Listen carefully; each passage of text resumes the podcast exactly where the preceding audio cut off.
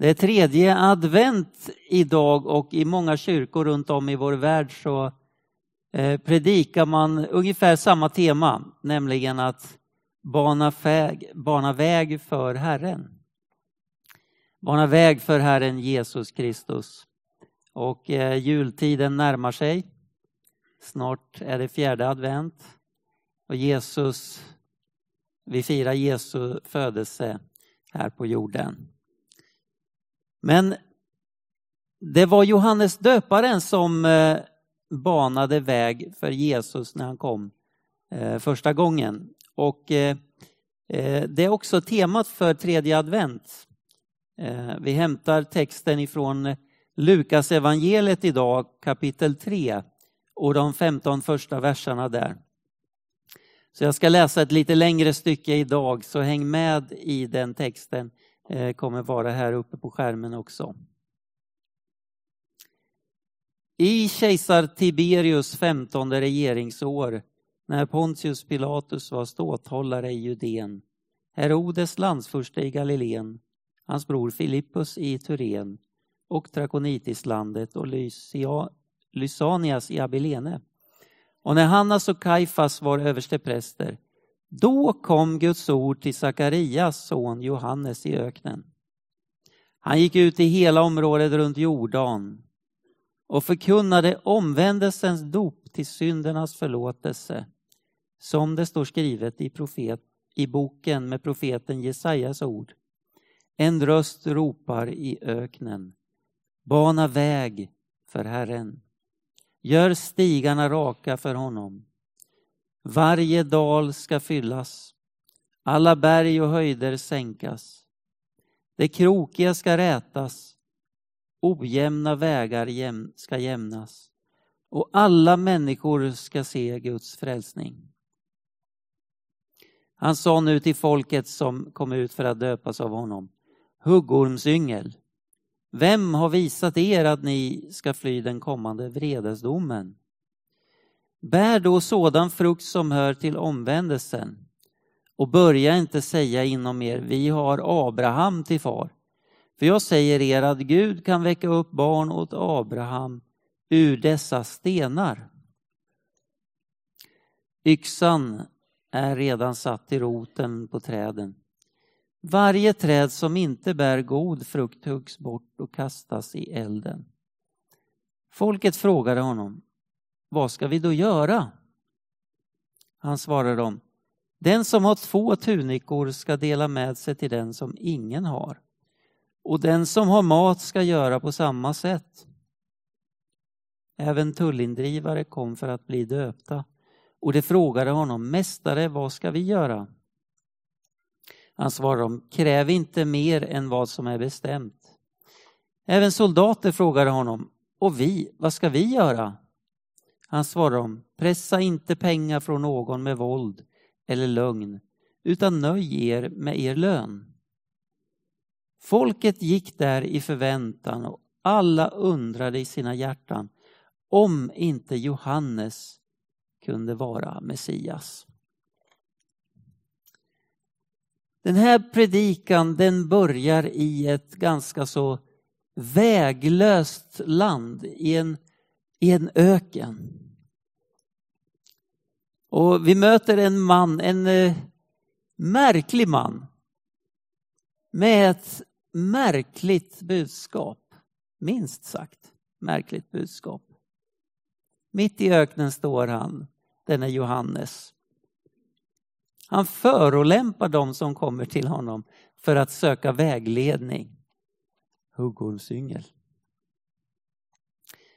Jag ser mig en man med ganska så risigt hår, eh, märkliga kläder, konstiga kläder. Och kanske av många människor betraktad som en, en galning där ute i öknen. Men han har fått ett ord från Gud att han ska döpa människor och han har dragit sig till Jordandalen. Trots att han har ett sånt märkligt budskap så dras människor till honom. Man söker sig till honom, man vill höra honom. Och man berörs av budskapet. Det här budskapet är så annorlunda och på något sätt så eh, finner det en väg och bryter in i människornas hjärtan. Hela luften den vibrerar av ande och atmosfär. Gud är på något sätt närvarande i detta. Huggormsyngel, vem har visat er att ni ska kunna fly undan den kommande vredesdomen? Tänk att få höra det. Men ändå så vill de söka sig dit. Johannes verkar vilja att, att livet ska hålla provet på något sätt. Att det ska vara verklig substans i det som, eh, det som man lever. Inte bara en, ett spel för gallerierna, visa upp någonting, utan något äkta. Och han säger, det räcker inte med att ni har Abraham till er fader. Alltså det räcker inte med att förlita sig till sin härkomst eller religiösa tillhörighet. Det behövs något mer. Jag tänker så här att vår tid idag är ganska väglös. Inte så att det saknas vägar utan det är kanske för att det finns så många vägar att välja på. Väldigt många vägar. Det är så många så att människor ibland är både stressade och ganska rådvilla. Vilken väg ska jag välja? Vad ska jag gå? Vad ska jag satsa på? Och en del säger faktiskt så här att det spelar egentligen ingen roll vilken väg du väljer, bara det känns rätt för dig. Bara det känns bra för dig. Men vad säger Bibeln och vad säger Jesus? I Johannes evangeliet säger Jesus, jag är vägen. Jesus är vägen. Johannes döparen han kom ju för att bana väg för Jesus. Han förberedde folket för att kunna ta emot Jesus. Och han predikade omvändelse. Han förväntade sig äkthet, alltså riktigt ärlighet och äkthet hos människorna som sökte sig till honom. Och Johannes är ett exempel för oss också faktiskt. Han utmanar oss, han utmanar mig. Vi behöver bana, bana väg för Jesus. Vi behöver göra det i våra liv. Vi behöver göra det för oss själva, vi behöver göra det för andra människor, för andra människors skull. Varför ska vi göra det egentligen? Varför ska vi bana väg för just Jesus? Det är ju för att Jesus är den här världens enda hopp. Det finns inget annat hopp. Det är bara Jesus som har dött för den här mänskligheten. Han, det är bara Jesus som har dött för våra synder. Och det är bara han som har uppstått ifrån de döda. Det är bara Jesus. Han är unik. Han är Guds son och han kom med ett uppdrag att frälsa oss. Det är bara han som kan frälsa dig. Det är bara han som kan ge oss evigt liv. Det är därför som vi ska bana väg för Jesus. En ganska naturlig fråga är ju hur, hur kan vi bana väg för Jesus i våra liv? Och jag ska läsa ifrån Johannes evangeliet kapitel 3, vers 28. Där står det så här. Och det här är Johannes döparen då som svarar på en del frågor. De undrar eh, om vem han är och hans förhållande till Jesus. Då säger han så här, ni kan själva vittna om att jag sa jag är inte Messias. Jag är sänd framför honom. Och från vers 30, han måste bli större och jag mindre. Det var Johannes vittnesbörd. Jag tror faktiskt att det är viktigt för oss att, precis som Johannes, inse vilka vi inte är. Oerhört viktigt. Vem är jag och vem är jag inte? Alltså jag är inte min egen frälsare. Jag är inte min egen Gud. Det är Jesus som är det. Johannes han hade förstått att han var inte centrum i tillvaron. Det var inte han som var den viktiga i den här berättelsen. Utan det var Jesus Kristus. Och det var honom han banade väg för.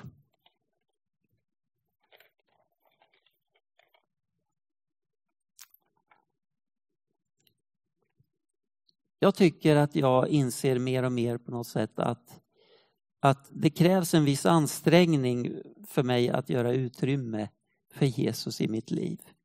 Jag vet inte om du håller med. Men visst är det så att det är så mycket runt omkring oss som kräver vår tid, vårt liv, vår uppmärksamhet och vill ha oss. De vill ha våra prioriteringar, alla dessa måsten som kommer över oss på något sätt. Och det är en ständig kamp, för mig är det en ständig kamp att till exempel ägna en liten tid åt bön. Att läsa Bibeln och be. Det finns alltid någonting som är viktigare på något sätt eller som bara vill ha min uppmärksamhet som egentligen inte är så viktigt. Och det är ju speciellt när man ska komma till den här lilla stilla stunden att söka Jesus, bereda väg för honom. Men för att Jesus ska bli större i mitt liv så behöver jag på något sätt begränsa mig själv. Det är så. Och som Johannes säger, jag behöver bli mindre för att Jesus ska bli större. Och det, det, är inte lätt för oss att bli mindre för att vi vill ju gärna vara större, eller hur? Vi vill vara stora, vi vill vara viktiga, vi vill vara starka och inflytelserika. Det är ju någonting som liksom finns inlagt i oss människor och det är ju ja, precis som hos Jesu lärjungar. Jag kom att tänka på den här berättelsen när jag, när jag förberedde den här predikan. Och det är från Markus 9, vers 33, där det står så här. De kom till Kafarnaum. När Jesus nu var framme frågade han dem, vad var det ni talade om på vägen? Men de teg, för på vägen hade de talat med varandra om vem som var den störste. Jesus satte sig ner, kallade på de tolv och sa till dem, om någon vill vara den förste så ska han vara den siste av alla och allas tjänare. Alltså man ser ju den här bilden framför sig.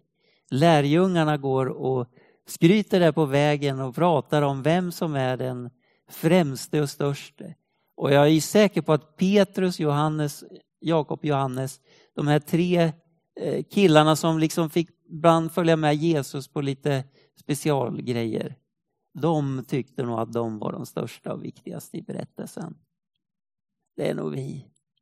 Och särskilt Petrus som alltid var den som bufflade sig fram, var säkert den som tyckte att ja, men jag är, det är jag som är störst i det här gänget.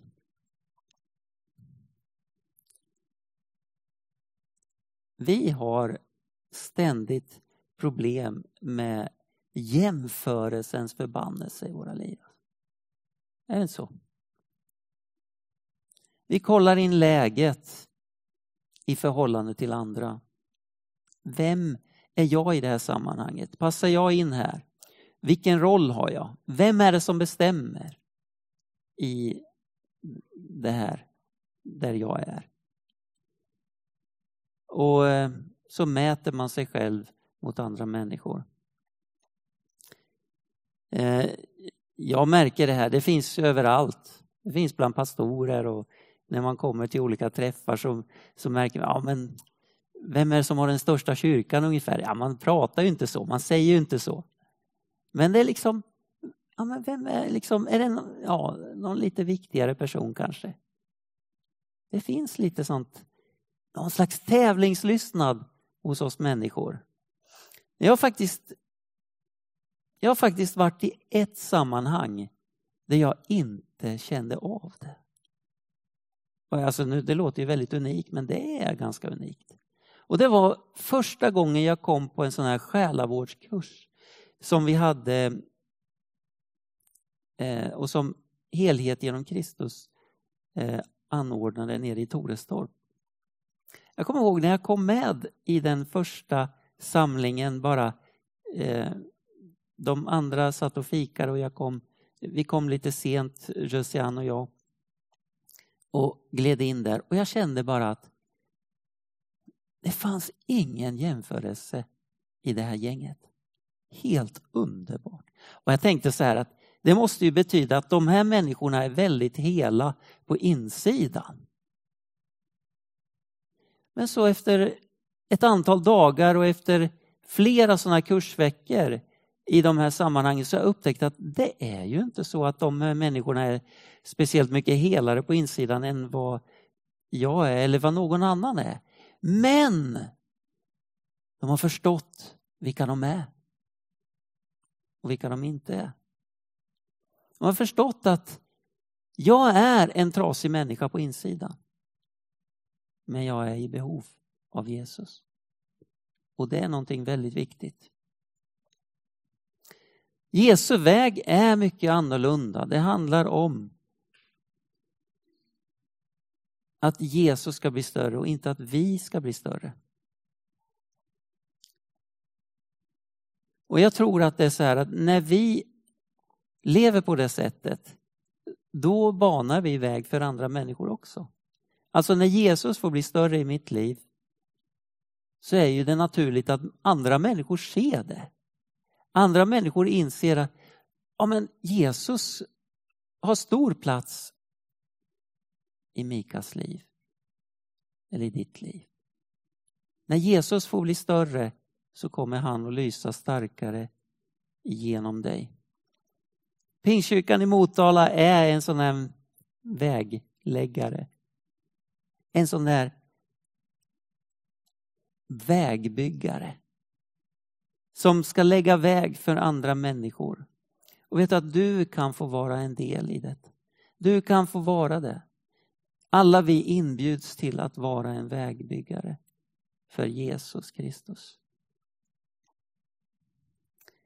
Hela Jesu liv är ett stort exempel på att förminskas för att vinna någonting större. Och eh, jag vill läsa ifrån Filipperbrevet kapitel 2 och vers 6. Där står det så här om Jesus. Han var till i Guds gestalt men räknade inte jämlikheten med Gud som segerbyte utan utgav sig själv och tog en tjänares gestalt och blev människan lik. När han till det yttre hade blivit som en människa ödmjukade han sig och blev lydig ända till döden, döden på korset. Därför har Gud också upphöjt honom över allting och gett honom namnet över alla namn. För att i Jesu namn alla knän ska böjas, i himlen och på jorden och under jorden. Och alla tungor bekänna att Jesus Kristus är Herren, Gud Fadern till ära. Det handlar bara om Jesus. Men för att Jesus skulle upphöjas på det här sättet så var han tvungen att gå en en förnedringens väg. Han avstod himlens härlighet. Jesus föddes i ett stall. Han var flykting. Han tog sig an vilsna lärjungar och trasiga själar. Han botade sjuka människor. Han umgicks med sjuka människor. Han utförde verkligen sitt uppdrag. Han visste varför han var här. Det var för att frälsa mänskligheten. Och det fick kosta vad det kosta behövde. Så min fråga idag är, vilket är ditt uppdrag? Vad har du för uppdrag?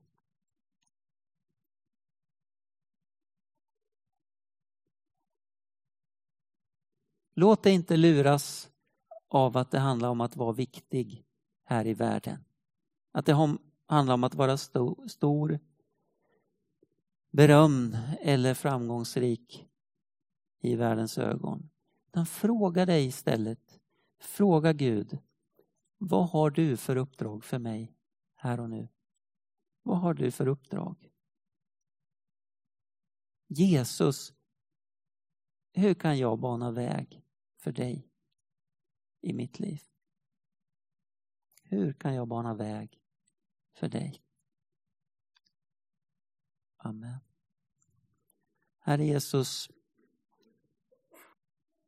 jag vill be för oss var och en som är här att, att du ska uppenbara och visa på vilket sätt vi kan få vara med och bana väg för dig. Herre, jag tackar dig för Pingstkyrkan här i Motala som får vara en sådan vägbanare, en vägbyggare. På platser där det inte finns någon väg så får vi lägga fram en väg som går till dig, som går till det eviga livet tillsammans med dig. O Jesus Kristus, jag ber, hjälp oss, lysa upp våra hjärtan, fyll oss med din ande, led oss på den rätta vägen. Herre, vi ber dig Fader, i Jesu namn. Amen.